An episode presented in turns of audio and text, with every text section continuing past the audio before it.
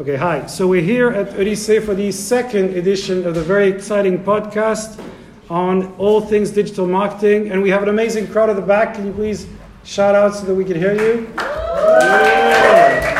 It changes everything. We have an amazing crowd, and today we have four people who are going to comment on today's experience. So the first question is tell me, uh, what's your name and what did you take away from hyperthinking? What is it for you, and what do you like about it?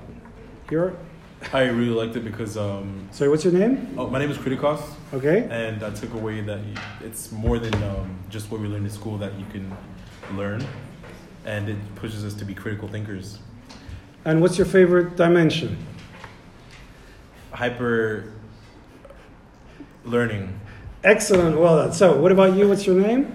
Uh, my name is Marie Can you hold the Elizabeth, and um, I learned that um, it's very practical to have several hats. Um, from the six thinking hats from Edward de Bono. Sorry, I had to use my phone because it was a, a note. Um, and that it can be used in any kind of project um, so that it has a global view and not only your view that you're focused on.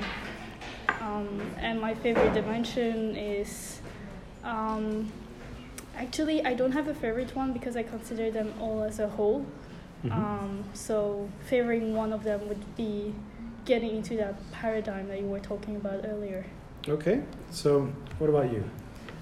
Uh, my name is Valentina, and I I learned that it's important to see uh, issues from different perspectives. Uh, just keeping yourself in one kind of bubble of thinking it's extremely harmful for you, even in your work or personal life. Uh, my favorite dimension was the hyperthinking. Uh, eh, sorry, hypershift Okay. um, hypershift because I, I also think it's very important to change exactly the way we, we think. I, I think it's crucial in, in life. Okay. And you? Sorry. Um, my name is Abiodun, and um, what I've learned today is uh, all um, in hyperthinking is um, the hyperlearning, and I believe that um, it, it's I learned about you being a, um, creative, and um, you should not limit yourself. Um, things you can do, like you should try to do more stuff, and from there you can be creative. So, and creativity doesn't really come from what you can do, but from what you can actually exhibit in your inner inner inner part of yourself. So Okay.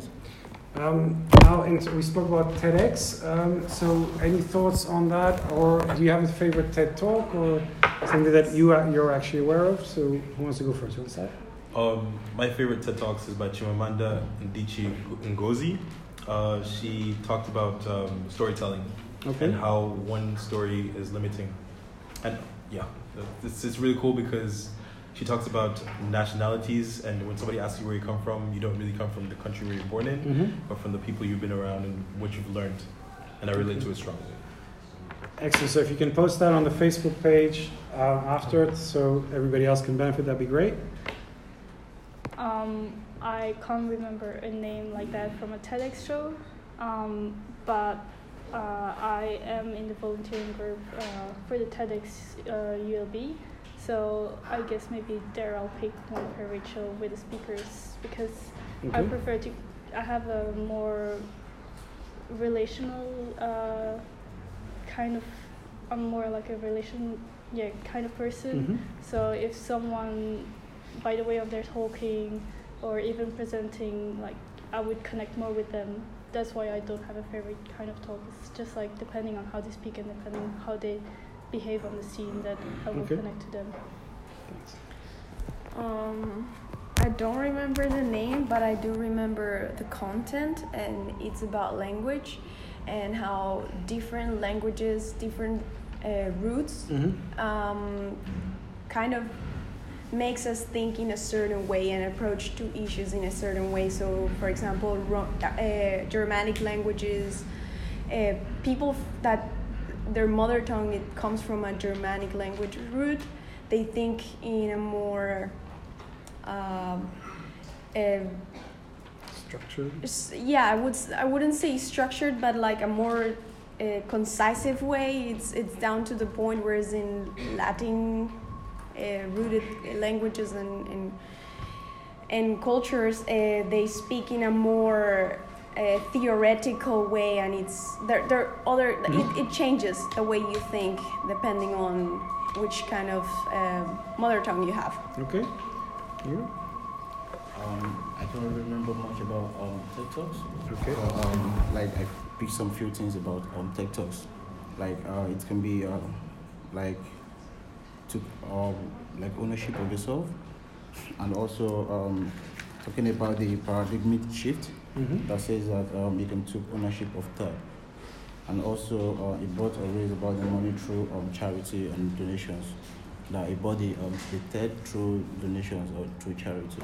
I think that is what basically I can Okay. about TEDx. So, thank you very much for your contribution. Please give them a warm hand of support. Um,